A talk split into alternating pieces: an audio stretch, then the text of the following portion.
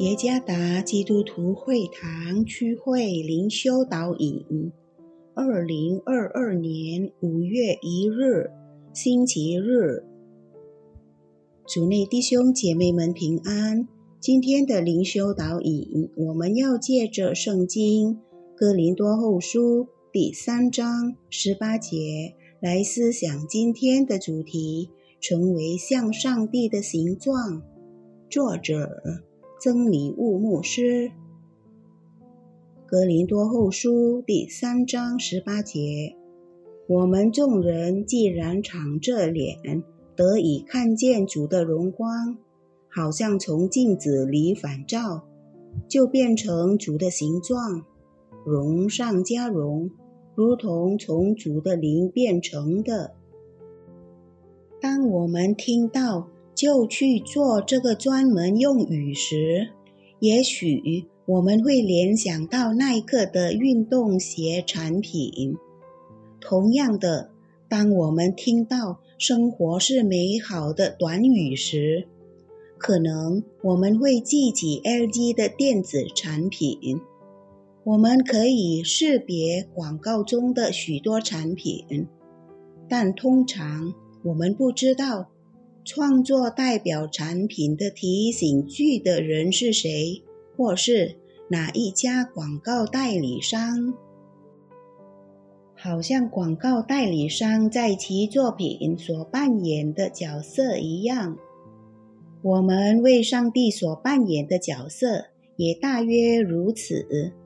保罗将其描述为，好像从镜子里反照上帝的荣光。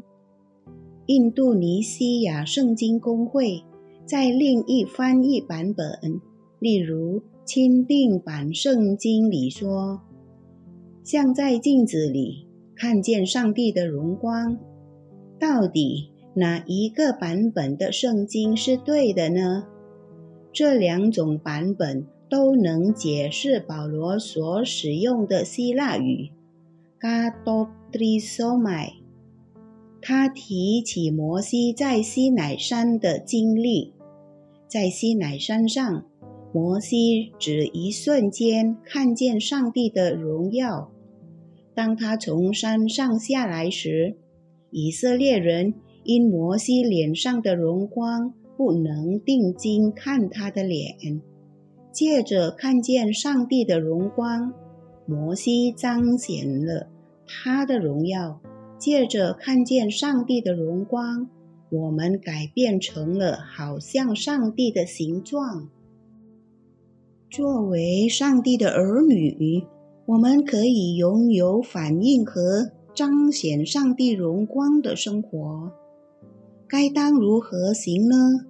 那就是透过以上帝为中心的生活。以上帝为中心的生活，就是。实行有个别与上帝单独相聚的时间。此外，在日常生活中与他人互动时，我们必须借着我们的态度、思想、言语、行为来反映上帝的荣耀。神的名借着我们得荣耀，看见并彰显上帝的荣耀。乃是基督门徒的护照。主耶稣赐福。